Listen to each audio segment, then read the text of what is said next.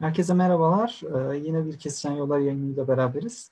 Bugün bizlerle Elif Gökçen bizlerle. Kendisi Bilkent Üniversitesi Hukuk Fakültesi'ne 2010 yılından mezun oldu. Yüksek lisansını Galatasaray Üniversitesi'nde kamu hukuku üzerine ve Londra Ekonomi ve Siyaset Bilimi Okulu'nda hukuk fakültesinde kriminoloji ve ceza üzerine yüksek lisans yaptı. Elif Hanım halen Ankara Üniversitesi'nde doktor çalışmalarına devam ediyor. Fulbright bursu ile de doktor tez araştırması için Columbia Üniversitesi Hukuk Fakültesi'ne gitti. 2009 yılında Uluslararası Barolar Birliği Üstün Genç Hukukçu ödülünü kazandı. 2020 yılında British Council mezun ödüllerinde sosyal etki alanında finalist olarak seçildi. Birleşmiş Milletler Mülteciler Yüksek Komis Komiserliği'nde 2014-2020 yılları arasında çalıştı. Elif Hanım kariyerine misafir uzman olarak Uluslararası Ceza Mahkemesi Lahey'de savcılık biriminde devam ediyor. Ee, Elif Hanım öncelikle bizi kırmayıp yayınımıza katıldığınız için teşekkür ederiz. Ee, biz sizi tanıtıp biraz da siz kendinizi tanıtırsanız çok seviniriz. Ben teşekkür ederim. Çok sağ olun. Ee, 2010 senesinde Bilkent Hukuk Fakültesinden mezun oldum. Ee, bir Ankaralı olarak daha sonra İstanbul'a taşındım ben. Pek çok genç e, hukuk mezununun yaptığı gibi. Ee, orada staja başladım İstanbul Barosu'nda ve aynı zamanda da e, master'ıma başladım Galatasaray Üniversitesi'nde. E, staj ve master bir şekilde birlikte gitti. E, daha sonra ben e, Çivning bursunu kazandım ve sonrasında da e, LSE'den London School of Economics and Political Science'dan e, kabul aldıktan sonra e, toplanıp biraz tezimi yazmak üzere Ankara'ya geri döndüm ve oradan da Londra'ya e, ayrıldım. Bir sene kadar Londra'da okudum. Master'ı bitirdikten sonra Birleşmiş Milletler'de işe girdim. E, 2014 Ocak başı itibariyle. Yine e, Ocak 2020'de e, oradan ayrıldım artık. E, bu süre zarfı içerisinde statü belirleme görevlisi, tam karşılığı Refugee Status Determination Associate olarak çalıştım. Bu benim için çok zengin bir deneyim oldu.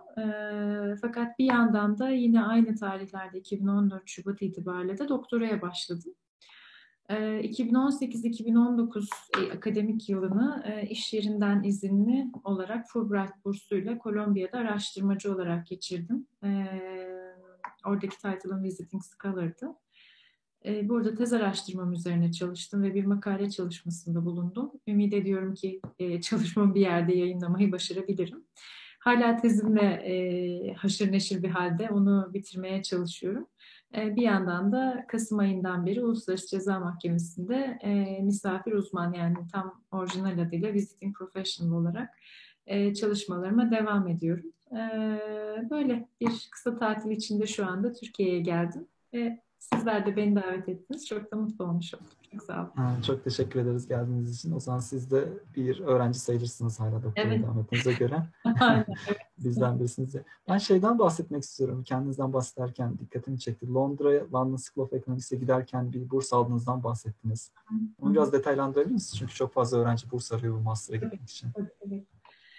Şöyle ben e, bu British Council'ın verdiği bir burs. E, e, Çivling bursu diye geçiyor. Bu e, İngiltere e, Dışişleri merkezli bir burs aslında. Bu Commonwealth ülkelerine verilen burslardan bir tanesi. Bunun dışında işte Türkiye gibi Commonwealth olmayan ama yine bursun e, dahil edildiği ülkeler de var. Ben de bu kapsamda başvurmuştum. E, burs için iş deneyimi gerekiyor biraz. İşte ben stajımı ve okul esnasında yaptığım çeşitli faaliyetleri göstererek başvurmuştum. E, ve aldım. Bunun alternatifi Jamone'ydi. Ben her ikisine de başvurdum. Chivning'i aldım ve açıkçası o dönem Chivning bana daha iyi imkanlar sunabilecek bir durum. E, hemen de onu değerlendirmek istedim. E, böyle uzunca bir başvuru listesi hazırlamıştım İngiltere'deki okullara. Onların içerisinden en istediğim e, Londra e, işte London School of Economics'te LSE diyelim artık ona kısaltmasıyla. Oraya gittim ve bir sene Londra'da bu yüksek lisans deneyimini yaşamış oldum. Aa, çok güzel olmuş sizin için de çok güzel bir an olmuş. Ben biraz daha baştan başlamak istiyorum sizin için. Sizi e, üniversitede hukuk seçmeye iten, hukuk okumanızı sebep olan şey neydi? Sizin motivasyonunuz nasıldı? Aynı zamanda kimler belki hukuk okumalı? Ondan biraz bahsedebilir misiniz? Kimler hukuk okumalı, evet. Evet. E, beni e, aslında ben e, hukuk okumayı düşünmeyen bir çocuktum. E, daha küçüklük yaşlarımda. E, fakat sonrasında özellikle ortaokul dönemimde e, sosyal mevzulara ilgim daha çok arttı. E, sosyal adalet, haksızlıklar, eşitlik falan gibi e, aslında ilk gençlik dönemlerinde insanların sıkça düşündüğü şeyler e, beni de e, ta o dönemde e, hukuk okumaya iten temel sebeplerden bir tanesi olmuştu bizim yani şu anda sistem o kadar çok değişti ki artık insanlar nasıl üniversiteye girebiliyor ona dair çok net bir fikrim yok maalesef ki. Ancak bizim zamanımızda diyeyim e, lise birinci sınıftan itibaren e, ki lise üç seneydi onu da söyleyeyim.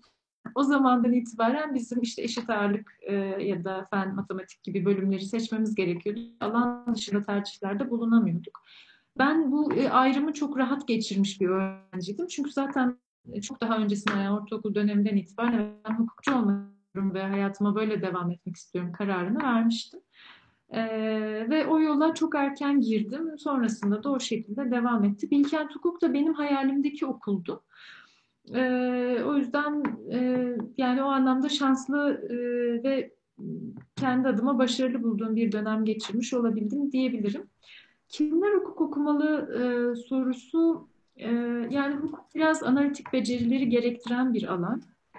Zannedildiğinin aksine biz e, bu, bu soru artık böyle bir şaka mevzusu haline geldi hukukçular arasında. Hukukta çok mu ezber yapılıyor gibi.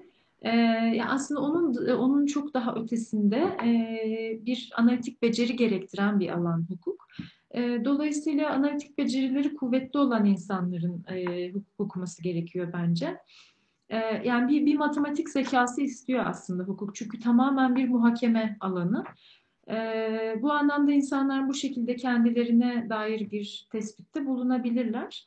Biraz da okumayı sevmek gerekiyor şimdi işin aslı bu. Çok uzun metinler, çok uzun cümleler okuyoruz. Ee, o konsantrasyonu uzun süre bir kağıt üzerinde toparlayabilecek insanların e, hukuku sevmesi, hukuk oku, okumayı tercih etmesi e, gerekiyor. E, ve yine biraz da böyle masa başı işi çok fazla oluyor hukukun. Tabii buna da müsait insanlar e, da seçebilir. Yani aslında herkes seçebilir ama bunlar biraz daha e, belirleyici kriterler gibi benim gözümde. Çok güzel anlattınız. Ee, sizin de mutlusunuz diye tahmin ediyorum hukuk seçtiğiniz ve okuduğunuz için. Seçimden. Ben şey sormak istiyorum. Üniversitede hukuk okurken tabii güzel bir eğitim aldınız, Bilkent'te okudunuz. Devamında sizi akademiye ne yöneltti veya akademik devam etmenize sebep olan şey neydi? Üniversite yaşamınız nasıl geçti? ya öncelikle üniversite yaşamından bahsedecek olursak benim üniversite yıllarım çok güzel geçti. Bilkent'te okuduğum için de kendimi hep çok şanslı hissettim. Çünkü çok güzel e, üniversite dışında ve yani sadece ders e, dışında yapabileceğim çok farklı, çok güzel aktiviteler vardı ve onlar beni çok fazla hayata hazırladı aslında. Ee, üniversite sanki böyle hayattaki pek çok şeyin ufak bir simülasyonu gibiydi benim için ve biraz ondan biraz bundan e, tadabilmem açısından bana güzel bir ortam sağlamıştı. Dolayısıyla her şeyden önce ben üniversite yıllarımı dolu dolu, verimli ve keyifli geçirdim. Ee, sonrasında ben aslında akademik kariyere devam etmeyi düşünerek mezun oldum üniversiteden. Fakat e, her şeyden önce e, bu, bu önemli bir meslek ve benim bunu öğrenmem ve deneyimlemem lazım düşüncesiyle avukatlık stajına başladım.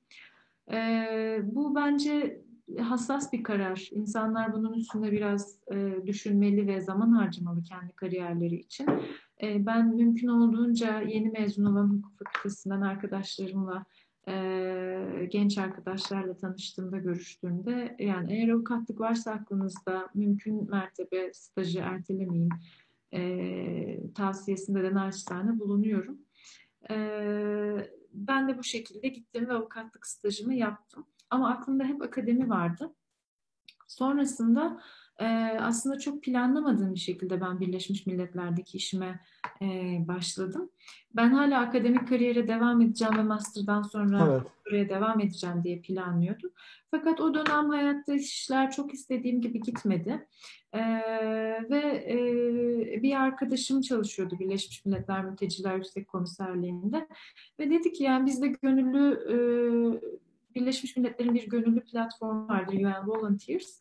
Bizde bir gönüllü pozisyonu açılacak başvurmayı düşünür müsün diye. Ben de öyle hani bir B planım olsun hayatta diye başvurmuştum ve soluk orada e, bitti benim için. Yani kendimi orada buldum. Çok da iyi olmuş. Geri dönüp baktığımda çok kıymetli bir deneyim olarak görüyorum bunu. E, ama akademi benim aklımda sonradan gelişen bir şey değil. Aslında hep olan bir şeydi. E, fakat ben zaman içerisinde aslında profesyonel bir kariyerle birlikte akademik gelişmeyi e, devam ettirmeyi daha keyifli buldum. Yani farklı bir açıdan başladım, farklı bir yerde neticelendirdim ama zaten hep aklımda olan bir e, plandı, öyle söyleyeyim. çok güzel açıkladınız o zaman hani hayatında sizi götürmesiyle belki evet. çok planlamadan. Gayet güzel olmuş. Ee, YouTube'dan bir arkadaşımızın sorusunu size iletmek istiyorum. Ee, Fatih sormuş. Fatih'in sorusu şu şekilde. Üniversitede okurken birinci seneden son seneye kadarki döneme kadar kendimize katmamız gereken özellikler nelerdir? İleride avukat olmayı düşünüyormuş kendisi. Avukat olmayı düşünmüş. Tamam.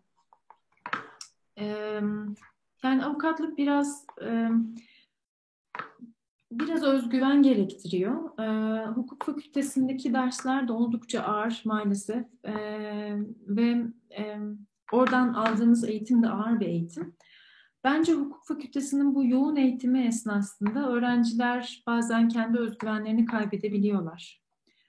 Ee, bunu biraz ayakta tutabilmek lazım üniversite içerisinde. Üniversitede eğitim dışında yaptığınız aktivitelerde de biraz konuşma becerileri, hitabet becerisi, araştırma becerileri, e, hukuki yazım gibi aslında bize her zaman doğrudan ders olarak böyle hap bilgi olarak sunulmayan ama bizim biraz kendimizde geliştirmemiz gereken bu yan alanlar geliştirilebilir bence. Bunlar çok kıymetli.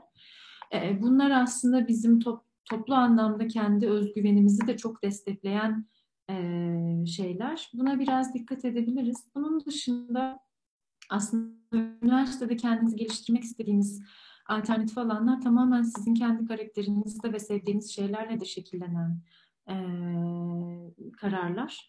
E, ben kendi örneğimi verecek olursam, e, ben üniversitenin radyosunda çalıştım bir süre.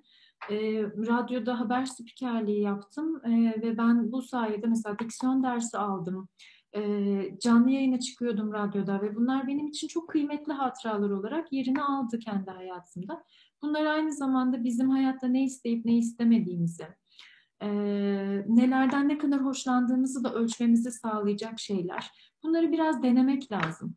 Onun dışında e, gönüllü faaliyetlerde bulundum. Çok kısa yaptım maalesef. Bu benim büyük bir eksiğim. Şimdiki aklım olsa üniversitedeki gönüllü faaliyetlerde daha çok yer alırdım. Bunlar da çok önemli çünkü özellikle bizim gibi sosyal bilimler alanında çalışan insanların gönüllü faaliyetlerle daha fazla iç içe olması bizim kendimize yönelik de bazı tahlilleri daha doğru yapabilmemizi, içinde yaşadığımız toplumu daha iyi anlamamıza sebep oluyor. Ve tabii ki yani gönüllülük hiç üzerinde konuşulacak bir şey bile değil. Yani onun hem karşı tarafa hem size verdiği haz ve fayda hiç tartışılacak bir şey değil. Bunun dışında şimdi çeşitli münazara toplulukları var. Hukuk fakülteleri aktif olarak bunlarda yer alıyor. Ya da büyük e, mood courtlar açıyorlar işte. Özel hukuk alanında var, kamu hukuk alanında var. Fakülteler buralara öğrenci gönderiyor. Bunlarda da yer almak gerekiyor. Çünkü aslında bu e, farazi dava yarışmaları gerçekten gerçekte ne yaşanıyorsa onun bir ufak simülasyonu ve siz aslında gerçekte bir ne kadar hazırlanıyorsa, nasıl hazırlanıyorsa onun bir ufak örneğini kendi hayatınızda deneyimlemiş oluyorsunuz. E, ve bu sonradan da size çok büyük şeyler katıyor. E, ben e, üniversitedeyken e, Wismut diye bir Mood Court diye bir yarışma vardır. E, ona katılmıştım. Bu e, ticaret, uluslararası ticaret hukuku üzerine yapılan bir yarışmadır. Hatta çok enteresan bence onu e, paylaşayım sizinle. Ben o yarışmaya 3. sınıfta katıldıktan Tabii. sonra özel hukuk üzerine bir kariyer çizmek istemediğime karar verdim. Yani aslında o yarışmaya giden gidene kadar benim bütün ilgim, alakam ve büyük ihtimalle gelecekte kariyerimi kurgulamak istediğim alan özel hukuk ve ticaret hukuku üzerineyken o yarışma benim için çok büyük bir deneyim oldu ve aslında yani bunu sevmediğimi fark ettim ve ben başka bir kariyer istediğimi e, anladım. Dolayısıyla yani biraz peşin hükümlü olmamak lazım. Ne kadar çok şeyden denersek e, kendimizi o kadar çok tanıyabiliriz üniversitede.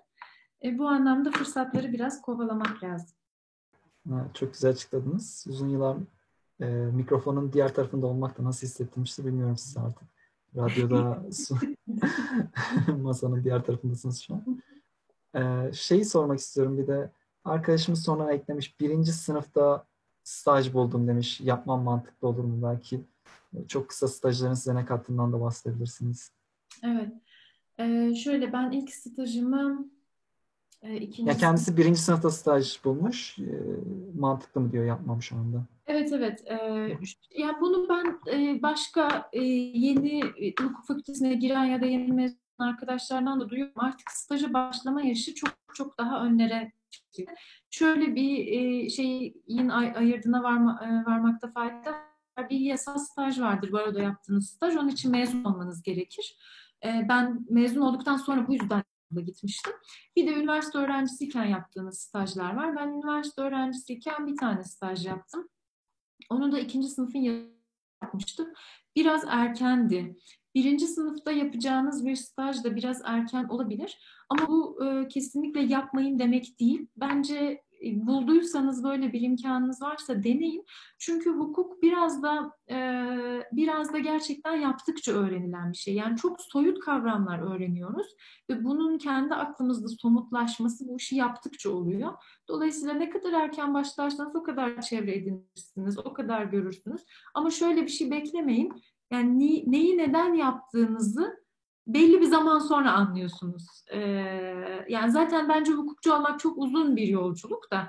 Ee, o yüzden o mantıki bağı her zaman kuramayabilirsiniz erken stajlarda.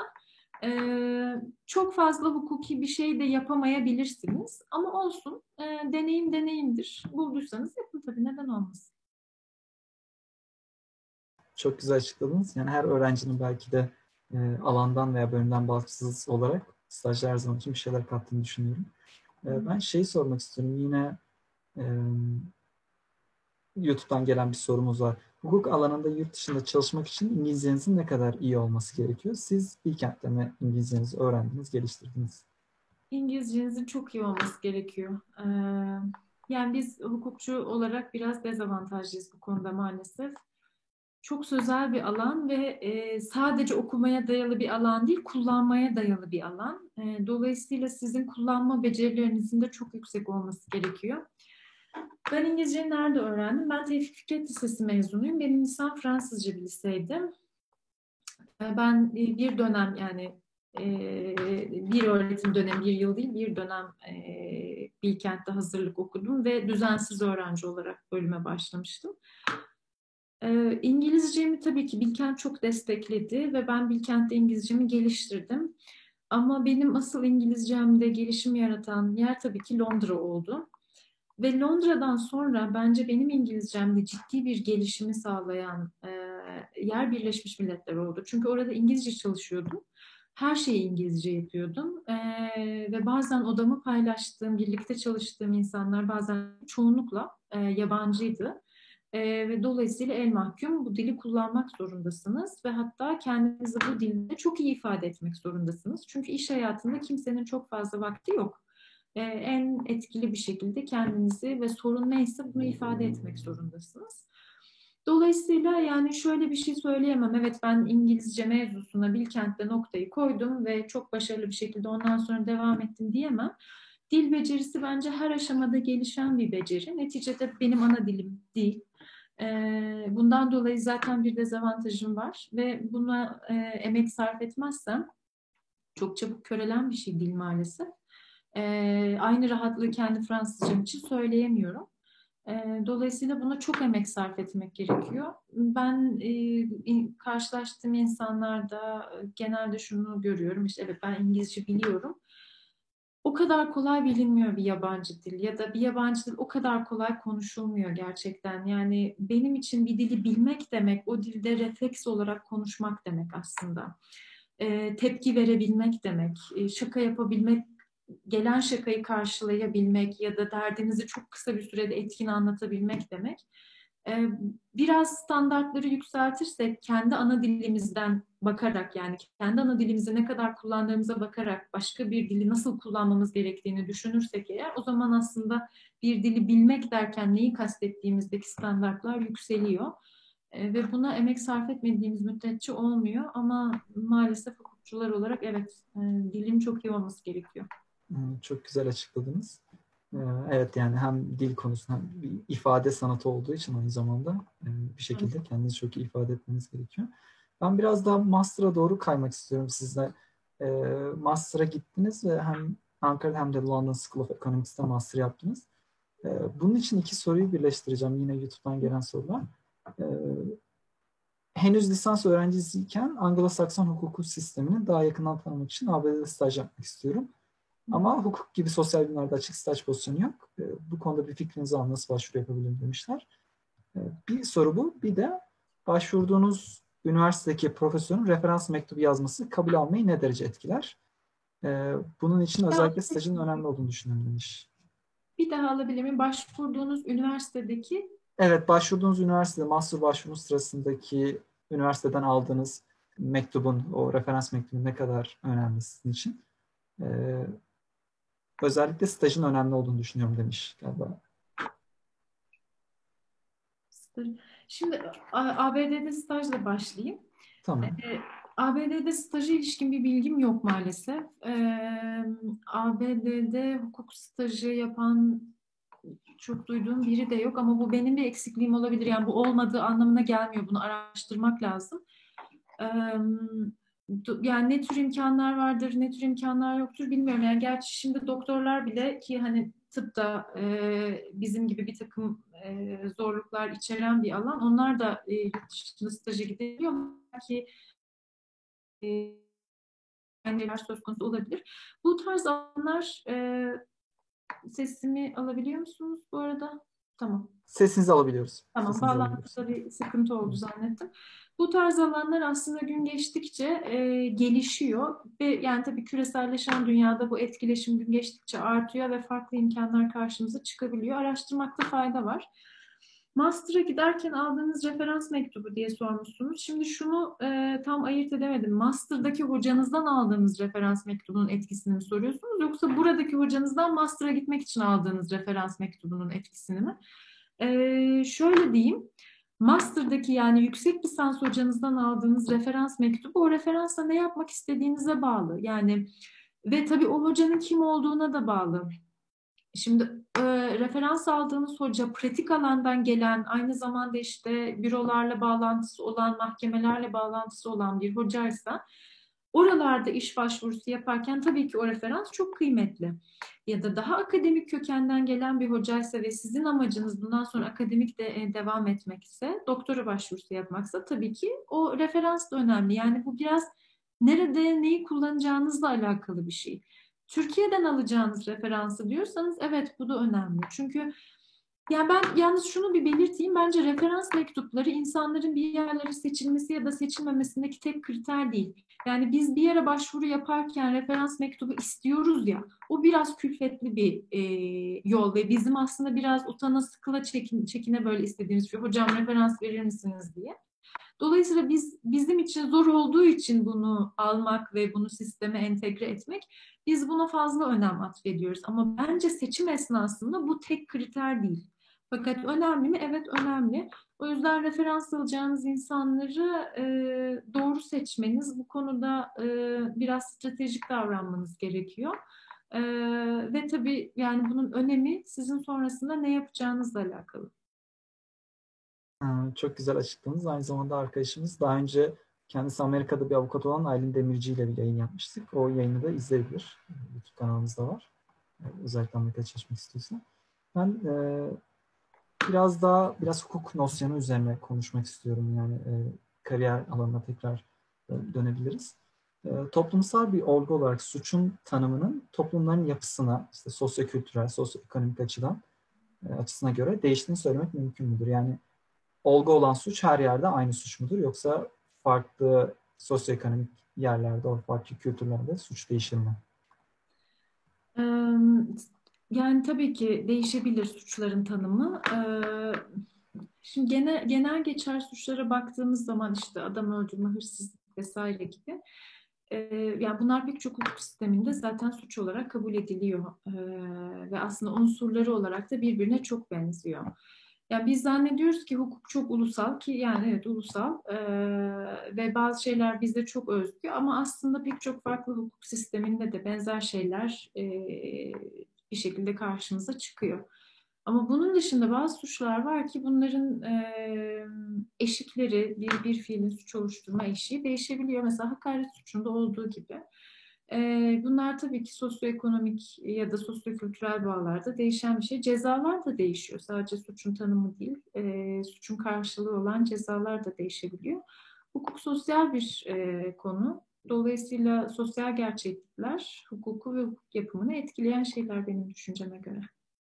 Evet, çok güzel açıkladınız. Ben buradan devam etmek istiyorum. Hı hı. Ee, toplumda bir olayı suç olarak tanımlama aşamasında masumiyet karinesinin yeterli bir işlev gördüğüne inanıyor musunuz? Ee, şimdi burada iki tane farklı konu var. iki farklı kavram var bence e, tartışmamız gereken. Bir tanesi bir e, bir olgunun suç olarak kabul edilmesi, bir diğeri de e, masumiyet karinesi. Toplumda suç olarak kabul edilen şeylerden bahsederken e, ben buna şöyle bir cevap vereceğim. Ben hukukçuyum. Dolayısıyla toplumun bir şeyi suç olarak kabul edip etmemesi beni bağlamıyor bu konuda. Ben kanunların suç olarak kabul edip etmediği şeylere bakıyorum. Yani toplum e, mesela zinayı suç olarak kabul edebilir ama benim açımdan zina suç değil çünkü zina suç olarak tanımlanmamış. Dolayısıyla burada farklı şeyler söz konusu. Yani suçu tanımlamakla masumiyet karinesi birbirinden farklı şeyler. Masumiyet karinesi dediğimiz şey e, ceza muhakemesinde karşımıza çıkan bir kavram. Nedir masumiyet karinesi? Bir kişinin suçluluğu ispat edilene kadar o kişi masumdur. E, masumiyet karinesini nasıl işlediğini soruyorsanız ya da günümüzdeki Türk yargılamasında masumiyet karinesinin yerini soruyorsanız benim şahsi gözlemim sanki iş biraz tersine karine gibi işliyor. Sanki suçsuzluğu ispat edilene kadar kişi suçluymuş gibi e, oluyor. Bu maalesef kötü bir örnek bizler için. E, ama söylemeye çalıştığım şeyi ne kadar net anlatabildim ondan emin değilim. Yani burada iki farklı şey söz konusu. Suçun tanımıyla masumiyet karinesi birbirinden farklı şeyler toplumların suç olarak tanımladığı şey derseniz de ben bir hukukçu olarak size en temel cevabı verebilirim. Ben toplumun tanımıyla değil, e, hukukun tanımıyla ilgileniyorum burada. Evet, çok güzel açıkladınız. Benim aklıma bir şey geldi. Ee, işte her insan e, suçu kanıtlanana kadar suçsuzdur. E, böyle bir kaide var hukukta da bildiğim kadarıyla. E, peki Yine. bu hukukta gözaltı sürelerinin yeri nasıl oluyor o zaman? Yani bir insanın e, herhangi bir suç yok. Suç süresi, suç için araştırma yapıyor. Ama bu süreç altında gözaltında tutabiliyor. Hukukta bunun yeri nerede? Yani gözaltı ceza muhakemesindeki bir uygulama ee, ve yani bunun suçsuzluk e, karinesiyle tam bir yani, yok aslında. Yani gözaltına evet. alınan kişi suçlu olduğu için gözaltına alınmıyor, zanlı olduğu için gözaltına alınmıyor suçluluk ya da suçsuzluk dediğimiz şey bütün o muhakeme işlemlerinin sonucunda bizim e, daha doğrusu yargılamayı yapanların e, edindiği bir çıkarım, bir sonuç. O e, gözaltı süreleri daha en başında, bu muhakemenin en başında söz konusu olan şeyler. Dolayısıyla e, bunlar arasında tam söylediğiniz gibi bir bağ yok aslında. Peki çok güzel açıkladınız. Teşekkürler. Facebook'tan bir soru gelmiş. Onu iletmemi istiyorum uluslararası hukukun günümüz şartları düşünüldüğünde güncellenmesi gerektiğini düşünüyor musunuz? Ya biraz da açmak gerekirse hukuksal kurallar nasıl güncellenir? Onu sorayım. Ee, uluslararası hukukun günümüz şartlarında güncellenmesi gerekiyor mu? Yani bu aslında çokça tartışılan bir konu farklı platformlarda. Ben buna kendi mesleğimden deneyimlediğim bir e, örnekle açıklamaya çalışayım size. Biliyorsunuz ben Birleşmiş Milletler Mülteciler Yüksek Komiserliğindeyken mültecilerle birlikte çalışıyordum ve mültecilere ilişkin temel Birleşmiş Milletler Sözleşmesi 1951 tarihli sözleşmedir. 1951 tarihli sözleşme bu anlamda pek çok eleştiri almıştır şimdiye kadar. İşte e, mültecilik şartlarını içeren 5 e, kavramın yeteri e, kadar olmadığı, günümüz koşullarını çok fazla sağlamadığı, bu anlamda 51 tarihli sözleşmenin yenilenmeye ihtiyaç duyduğuna ilişkin. Fakat bir yandan da uluslararası hukuk aslında e, esnek marjlar bırakan bir alan bu sözleşmeler, uluslararası sözleşmeler, uluslararası hukuka ait bir takım maddeler, metinler yorumlanarak da genişletilebiliyor. E, bu tarz aktif ve e, aktif yorumları görebiliyoruz uluslararası hukukta. E, ama bazı şeyler var, onlar da çok yoruma açık değil. E, dolayısıyla bu çok tartışılan bir şey ama e, günümüz şartlarında bazı ihtiyaçlar çok fazla e, karşımıza çıktığı zaman e, buna ilişkinde e, çeşitli yorumlar getirilebiliyor. Çok güzel açıkladınız. Belki de şey sormak lazım. Sizin de çalıştığınız bir alan Birleşmiş Milletler'de mülteciler üzerine ve onlarla beraber.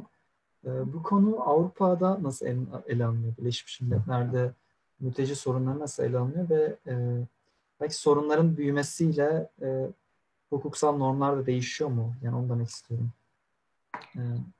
Şöyle Avrupa özelinde bu işin nasıl yani e, bu mülteci konusu biliyorsunuz Avrupa gündemini fazlaca e, fazlaca gündeme geldi Avrupa'da da. Özellikle 2011'den beri yaşanan bu krizle birlikte. E, şimdi öncelikle şöyle bir şeyi ayırt etmekte fayda var. Birleşmiş Milletler Mülteciler Yüksek Komiserliği'nin temel görevi bu süreci e, gözlemlemek ve bu sürece ilişkin e, titizlikle bir gözlem yapmak. E, fakat bazı ülkelerde statü belirleme gibi e, faaliyetler doğrudan yapılmadığı için Birleşmiş Milletler'in operasyonları daha geniş, daha fazla genişleyebiliyor. E, fakat Avrupa Birliği'ne, Avrupa'da getirilen cevaplara baktığımız zaman yani bir mukavemet söz konusu oldu açıkçası 2011'den beri mültecilerin gelişine ilişkin ve buna dair bu çok tartışıldı. Hukuki e, alanda da çok tartışıldı. Çeşitli e, mahkeme kararları çıktı Avrupa'da. Hem Avrupa Birliği özelinde hem de devletlerin kendi mahkemeleri kapsamında. Fakat bu süreç henüz bir nihayete ermiş değil. E, bu hala aktif bir süreç. Mültecilerin e, Avrupa'ya ulaşma yolculuğu hala devam ediyor ve Avrupa Birliği'nden de gösterilen e, ne diyelim artık mukavemet halen daha e, bir çeşit devam ediyor. Özellikle biz bunu denizde e, yaşanan e, bütün bu üzücü olaylardan tekrar tekrar gözlemliyoruz. Aynı şekilde Avrupa'ya varan mülteciler için de e, statü alma, orada bir hayat kurma her zaman çok kolay olmuyor. E, bu maalesef insan hakları açısından e, çok üzücü görüntüler ortaya koyan bir durum haline geldi. Çok güzel açıkladınız. Ee, ben şeyi sormak istiyorum. Tekrar biraz daha kariyere dönecek olursak. Ee, Türkiye'de tabii ki hakim savcılık yoluna veya avukat yoluna gibi yollarla kariyerine devam eden insanlar oluyor ama siz kariyerinizi biraz daha belki bir arkadaşınız yardımıyla Birleşmiş Milletler'de çizmişsiniz. Başka yurt dışında hukuk nosyonunu almış, hukuk eğitimini almış insanların hukuksal çalışma olarak ne gibi kariyer planları olabilir? Ne gibi işler yapabilirler? Ne gibi işler yapabilirler? Yani bu yine sizin ne istediğinizle alakalı bir şey. E, avukatlık da farklı ülkelerde yapılabilir. E, farklı yargı çevrelerinde avukatlık lisansı alabilirsiniz. E, işte hukukçular arasında pek sık bilinir. İşte e, İngiltere'de avukatlık ruhsatı alabilirsiniz ya da Amerika'da e, avukatlık ruhsatı alabilirsiniz. İşte genelde New York Barosu'na çok fazla giriyor Türk hukukçular. New York Barosu sınavına. Ee, ve bu yargı çevrelerinde de avukatlık yapabilirsiniz. Ee, bu da avukatlığın başka bir yüzü. Sadece Türkiye'de yapmak zorunda değilsiniz tabii ki bunu. Bunun dışında yine Birleşmiş Milletler'de bir kariyer, alternatif bir kariyer olabilir. Ee, bence çok da tatmin edici, çok da güzel bir e, kariyer. Onun dışında uluslararası mahkemeler tabii ki düşünülebilir bu anlamda. E, akademik kariyeri de yine yurt dışında yapabilirsiniz. Yurt dışında doktora bence çok e, kıymetli bir şey e, ve daha sonra yurt dışında akademik bir kariyere devam etmek. Bunlar çok kıymetli şeyler ama bu biraz sizin hayatta ne istediğinizle, e, nasıl devam etmek istediğinizle, biraz kendinizi ne kadar tanıdığınızla da alakalı bir şey. Çok güzel açıkladınız. Biraz da şey kısmını açmak istiyorum. Farklı ülkelerde de avukatlık yapabileceğinden bahsettiniz. Yani bildiğim kadarıyla her ülkenin hukuk nosyonu kendine has. Tabii. O yüzden Amerika'da veya İngiltere'de avukat olmak isteyen bir insan nasıl bir yolu izlemesi gerekiyor veya ne yapması gerekiyor kısaca? Amerika için daha rahat konuşabilirim bunu. İngiltere için çünkü iki farklı sistem var. Orada bir barrister sistemi var, bir solicitor sistemi var. Ee, solicitor olmak için işte bir takım sınavlardan geçiyorsunuz. Barrister olmak daha uzun vadede yapılan, e, daha uzun vadede elde edebileceğiniz bir lisans. Amerika'da ise bu federal sistem kapsamında geliştirilmiş. İşte her e, federal devletin kendi yargı çevresi var ve o orada girip oranın baro sınavını geçmeniz gerekiyor. Burada her gireceğiniz baronun yeterliliği farklı. Ee, New York Barosu özelinde konuşacak olursak, e, New York Barosu'na öncesinde başvuruyorsunuz. Bunu benden çok daha iyi bilen e, hukukçular vardır bunu deneyimlemiş. Ben hiç böyle bir yol seçmedim. Böyle bir düşüncem de hiç olmadı. E, dolayısıyla hiç ilk elden araştırmadım. E, ama benim anladığım kadarıyla siz New York Barosu'na bir başvuruda bulunuyorsunuz. Ve o başvuru kapsamında ne kadar yeterli olup yani sınava girmeye yeterli olup olmadığınıza dair bir değerlendirme de alıyorsunuz. Fakat genel geçer kural şu, New York Barosu'na girebilmek için orada bir e, LLM yapmanız, bir master yapmanız gerekiyor. Yani giden arkadaşlarım pek çoğu da master'dan sonra kalıp e, baro sınavlarını bir deniyorlar. Benim kendi deneyimim kaldım. Oradaki deneyimim özellikle yaz döneminde çünkü o yaz döneminde giriyorlar e, baro sınavına. Hukukçuların kütüphanede böyle e, geceliyor olmalarıydı. Çok yoğun bir şekilde baro sınavına çalışıyorlar. E, ama dediğim gibi ben bu yolu kendim için seçmedim ya da bu yolu hiç e, kendim için de düşünmedim. O yüzden vereceğim bilgiler hep kulaktan dolma, e, ardıl bilgiler olacaktır. E, bunu deneyimleyen biri ya da bu anlamda başarılı olan bir avukat daha doğru bilgiler verebilir. E, ama sorunuz şuysa, evet hukuk yerel ve siz başka bir yerde nasıl lisans alabilirsiniz? Bunun bir takım yeterlilikleri var ben Türkiye'de lisans mezunuyum gidip e, bu mezuniyetimle oradaki baro sınavlarına girmeye hak kazanabilirim gibi bir şey yok. Girmek istediğiniz, başvurmak istediğiniz baronun e, kabul edilebilirlik şartlarını okumanız ve buna hakim olmanız gerekiyor ki her şeyden önce o sınava girebilirsiniz. Girmek için kabul edilebilirsiniz. Çok güzel açıkladınız. Teşekkür ederim. Yani kısaca özetlemek gerekirse Amerika'da bir master yaptıktan sonra baro sınavlarına hazırlanıp e, o şekilde devam edebiliyorsunuz. E, avukat olarak devam edebiliyorsunuz anlatıyorum. E, çok güzel. Geçersiniz tabii orası önemli bir detay. E, şeyden bahsedebilir misiniz? Birleşmiş Milletler'de uzun süreler çalıştınız, 6 sene kadar çalıştınız. Bile hem Birleşmiş Milletler özelinde hem mülteciler özelinde çalışmanız size kişisel olarak neler kattı, bir kariyer olarak neler kattı acaba? Um, Kişisel olarak bana çok şey kattı işin aslı. onlardan bahsedeyim. Kariyer olarak da çok şey kattı. Bir kere her şeyden önce ben mezun olurken Birleşmiş Milletler'de çalışabilirim gibi bir algı söz konusu değildi. Ben aslında sizin gibi böyle derneklerin yaptığı bu tarz yayınlara çok kıymet veriyorum ve bunları çok önemli buluyorum. Çünkü aslında bu yayınlar aracılığıyla bizler hepimiz farklı alternatif yolları öğreniyoruz. ve bu anlamda da kendi bilgimizi geliştiriyoruz. Ben maalesef mezun olduğumda Birleşmiş Milletler gibi bir kurumda kariyer yapabileceğime dair bilinçli değildim. Ee, bu sonrasında gelişti bende. Ben evet mezun oldum, avukat olacağım ya da hakim savcı olacağım, böyle bir yol çizeceğim, bir diğer alternatif akademisyen olabilirim gibi bir düşünce içerisindeydim. Aslında hukukçuların seçebilme ihtimalleri biraz fazla. Sadece bunu görmek ve bilmek gerekiyor. Dolayısıyla Birleşmiş Milletler'de çalışmak bana her şeyden önce hayatın daha önceden bilmediğim, gözümün kapalı olduğu bir alanına dair bilgi sahibi olmama ve deneyim sahibi olmama sebep oldu. Mültecilerle çalışmak konusuna gelecek olursak bu yani bu, bu benim için çok özel bir deneyim ve çok kıymetli bir deneyimdi. Çünkü bu insanlar hayatta kalan insanlar biz. Hayatta kalan insanlarla konuşabiliyoruz. Ee, onlardan hayata dair, belki hukuka dair değil ama hayatın kendisine dair çok e, önemli e, ve çok kıymetli hikayeler duyuyorsunuz.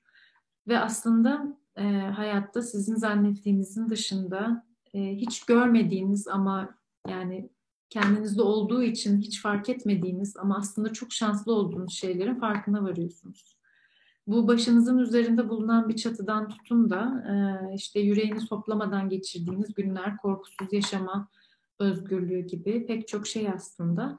E, bu anlamda onlarla geçirdiğim her bir dakika, her bir saniye benim hayatta büyümeme, olgunlaşmama, e, bir insan olarak sorumluluklarımın bilincine varmama e, çok büyük katkı sağladı. Ee, belki biraz böyle ben merkezli anlatıyorum kendi deneyimlerimi ama e, umarım bu çalıştığım süre içerisinde ben de onlara çok az bile olsa onların hayatına bir katkı sağlayabilmişimdir. E, bunun dışında şahsi olarak verebileceğim bir diğer örnek e, şu olabilir. Ben mültecilerle görüşme yapıyordum ve çok fazla soru sormam gerekiyordu onlara. Ben soru sormayı bilmeyen bir insandım e, fakülteden mezun olduğumda daha ziyade söyleneni öğrenip soru sormayı çok bilemeyen bir insandım. Aslında bu çok kötü bir şey.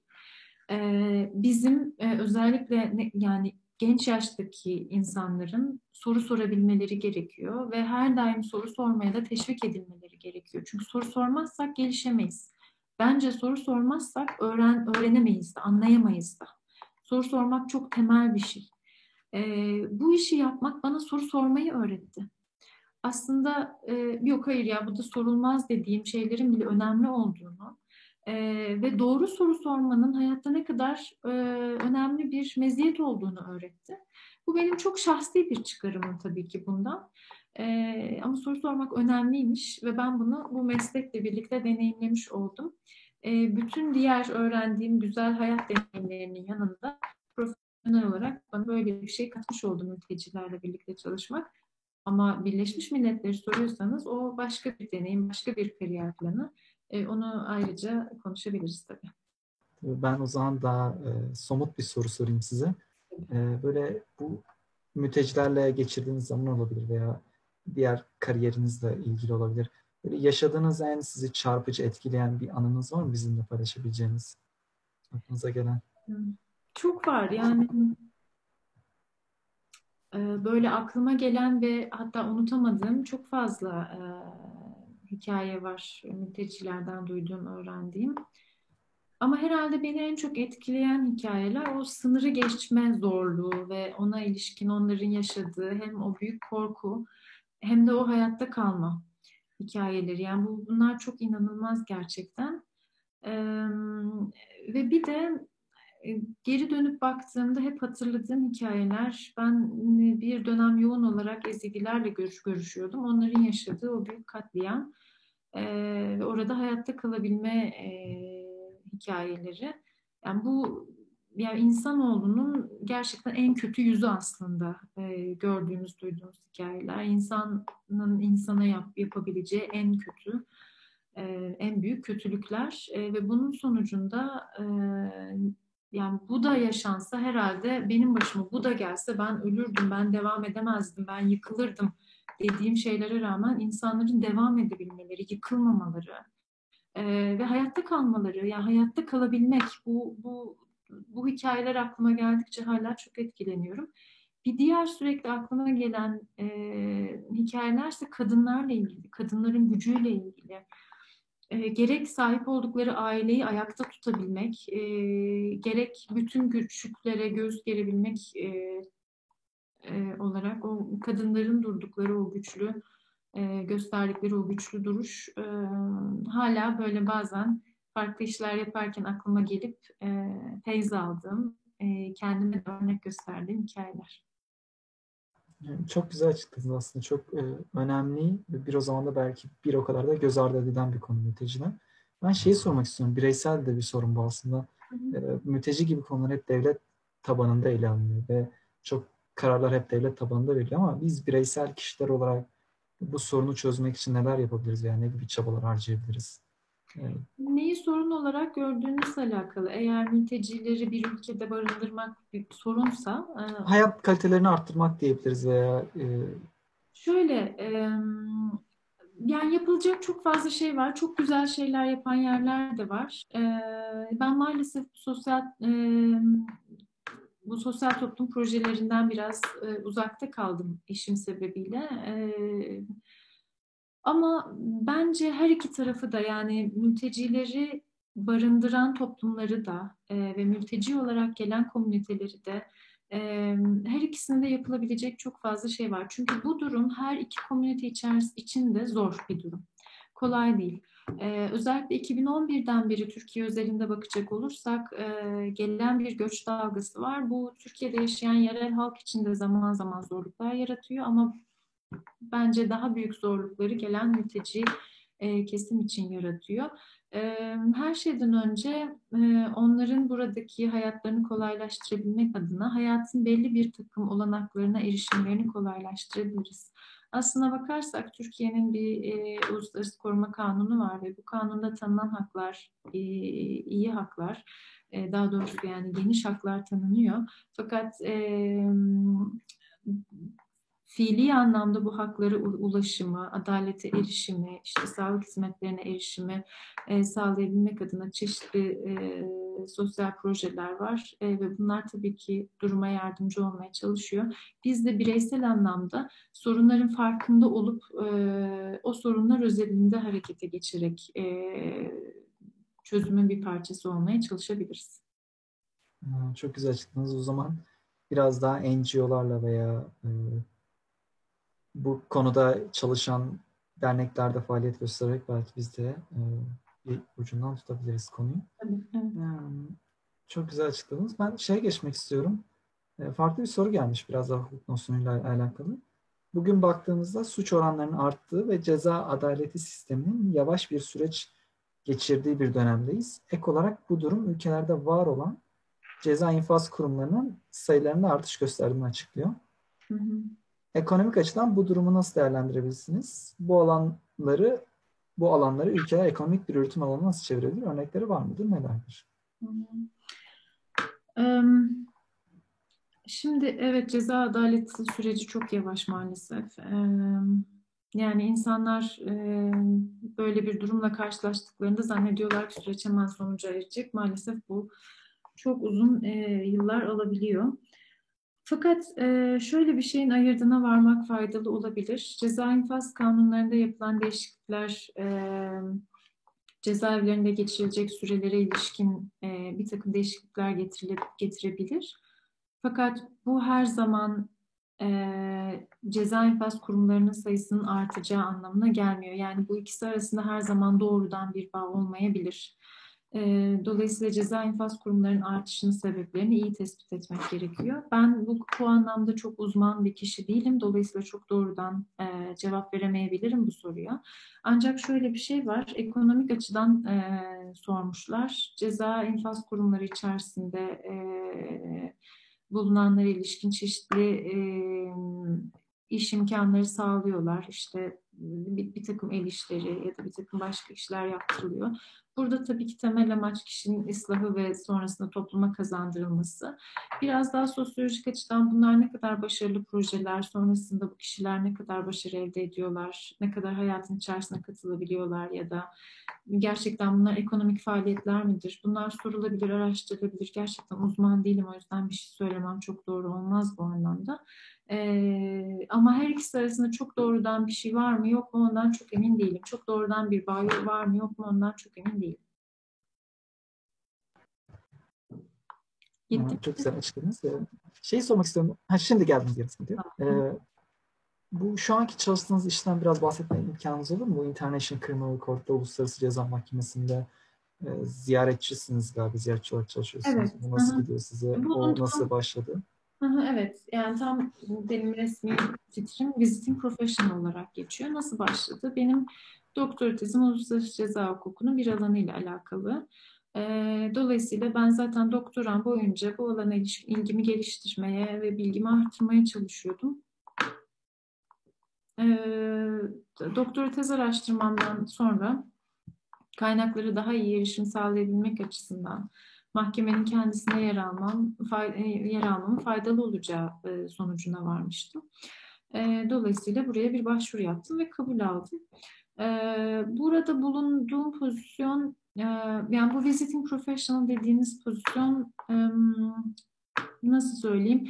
Yani aslında biraz sizin deneyiminiz ve yeterliliğinizle doğru orantılı e, bir pozisyon. Yani deneyiminiz ve yeterliliğiniz yüksekse ona göre daha fazla rol alabilirsiniz tabii ki mahkeme içerisinde.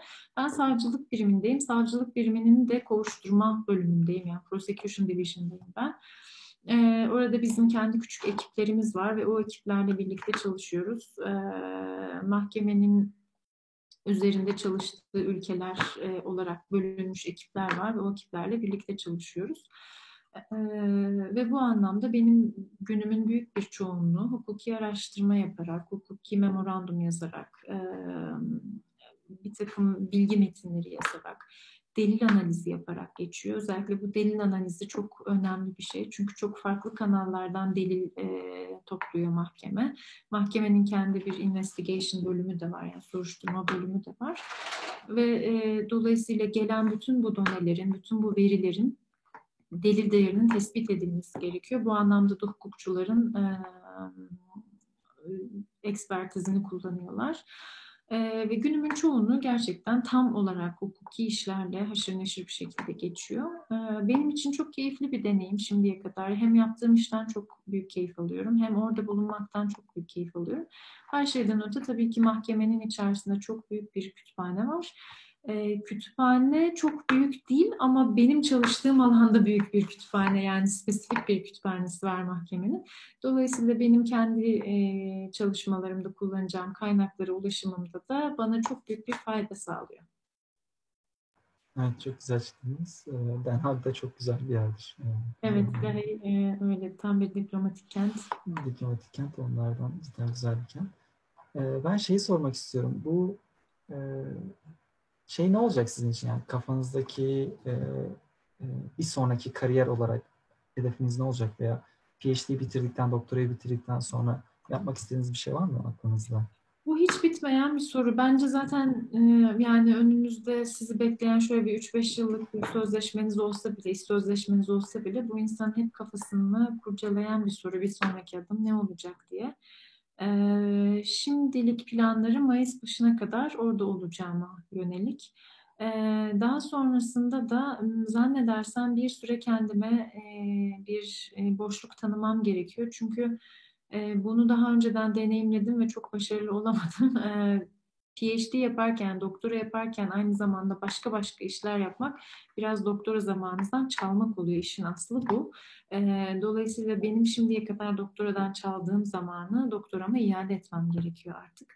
Dolayısıyla Mayıs'tan sonra özellikle o yaz döneminde kendimi kapatıp bir süre bu doktora tezimi biraz hale yola koymam gerekebilir. Bundan sonrasına baktığım zamansa Akademik olarak bir şey yapar mıyım, yapmaz mıyım bunu bilemiyorum şu aşamada. Ama e, çeşitli mahkemelerle olan bağım devam edecektir diye düşünüyorum. E, Birleşmiş Milletler'de farklı bir pozisyon yine düşünebilirim ya da farklı bir mahkemede. E, ama aynı sahada, aynı alanda çalışmaya devam edeceğim diye düşünüyorum. Çok güzel açıkladınız. Ben biraz daha işin e, manevi tarafına geçmek istiyorum, biraz da motivasyon tarafına. E, bu hem PhD yapmak hem master yapmak, böyle bir e, koşuşturmanın içerisinde, hengamenin içerisinde motivasyonu yüksek tutmak önemli bir şey. Sizin kendi motivasyonunuzu yüksek tutmak için yaptığınız, aynı zamanda diğer bir taraf olan zaman yönetimi için yaptığınız belli bir şey var mıdır veya önereceğiniz bir yöntem? Yani bu motivasyon gerçekten keşke hep olsa. keşke bunun böyle bir formülü olsa ve biz o formülü uyguladığımızda o motivasyonu hep optimal seviyede tutabilsek. Ben kendi içimde motivasyon kaybı yaşayabilen bir insanım. Bazı insanlar var hep böyle çok yüksek motivasyonla devam edebiliyorlar. Ben böyle düşüşler yaşayabilen bir insanım. Ama bir kere her şeyden önce artık şu duyguyla barıştım. Bence düşmek ya da kalkmak hayatın doğal akışı içerisinde var olan şeyler ve bunu e, bunu kabul etmek gerekiyor. Çok düştüğüm zaman gerçekten bırakıyorum bir süre.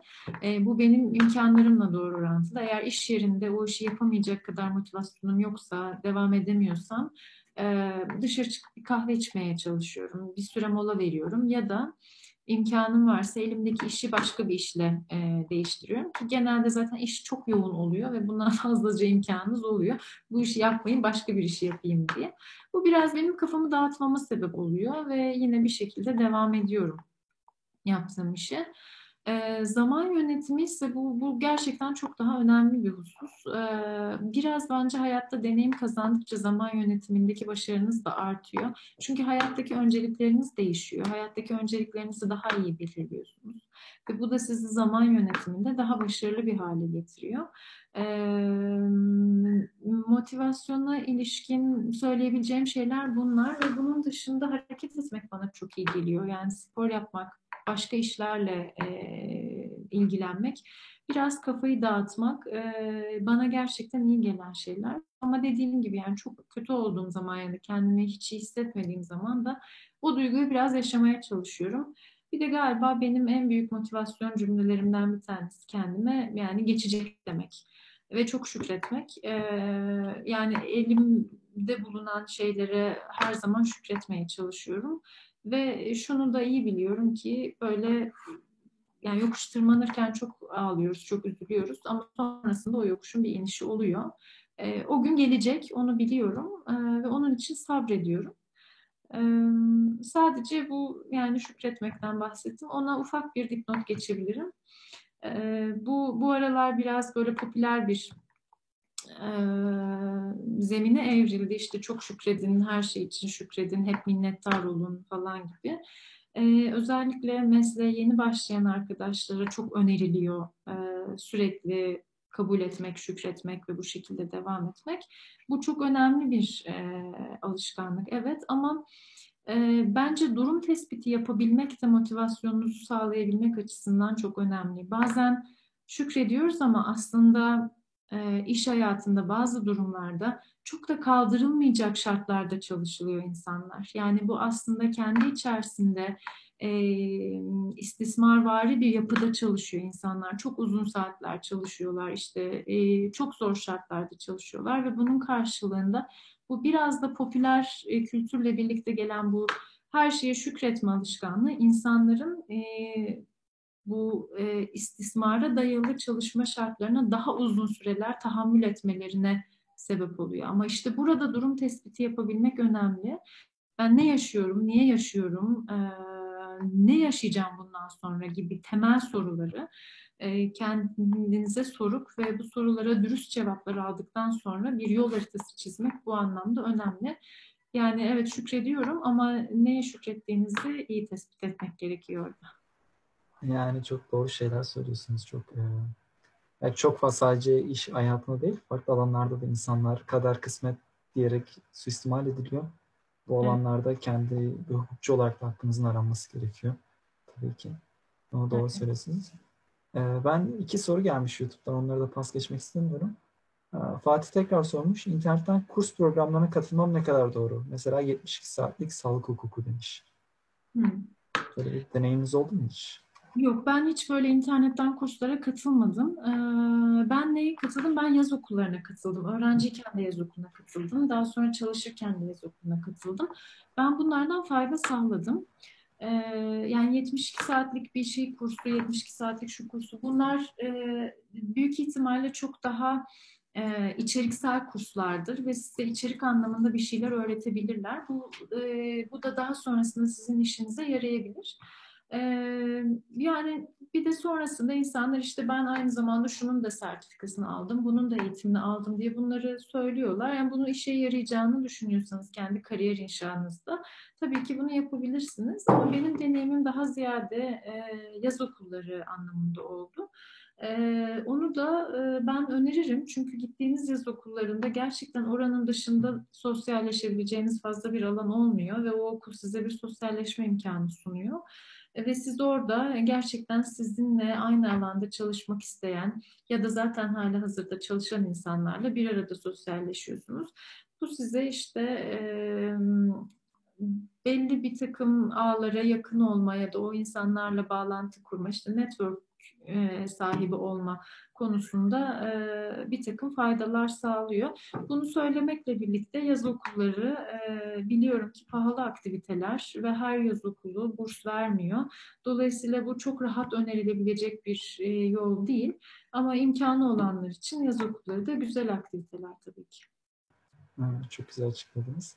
Ben şeyi sormak istiyorum. Biraz da popüler olacak belki ama hı hı. yapay zekanın hukuk alanında var olabilecek diyebilir misiniz? Veya nasıl bir etkisi olacak? Ee, yani son dönemde katıldığım bir konferansta yapay zeka üzerine bir e, bir gün düzenlemişlerdi onlar. E, ayrı bir başlık oturum düzenlemişlerdi. Yani bu çok ciddi anlamda tartışılıyor ve bunu çalışan hukukçular da var. Maalesef ben onlardan biri değilim. Ee, ve ben yayın öncesinde de sizinle görüşmüştüm. Gerçekten bu teknik konularda çok eski kafalı bir insanım. E, kendime çok kızdığım özelliklerden bir tanesi hala kapataç düzelir mantığıyla hareket ettiğim için yani yapay zeka benim için şöyle bir 5-10 adım sonrası bile değil. E, yani yer alacak büyük ihtimalle çünkü konuşulanlardan onu anlıyorum ama nerede, nasıl, ne şekilde ben e, hiç doğru isim değilim bu soru için. tamam o zaman sormuş olalım, geçelim. Ee, ben şeyi sormak istiyorum. Biraz şeyden bahsettiniz, network alanından bahsettiniz. Biraz da üniversite öğrencilerine belki yol göstermesi açısından. Hem de şey dediğinizi var hatırlıyorum. Bir arkadaşım Birleşmiş Milletler'de çalışıyordu.